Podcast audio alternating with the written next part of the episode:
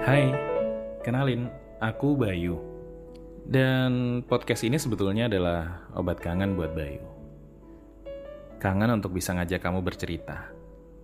Menyampaikan hal-hal yang gak bisa kamu sampaikan sendiri dan mungkin Bayu bisa bantu sampaikan.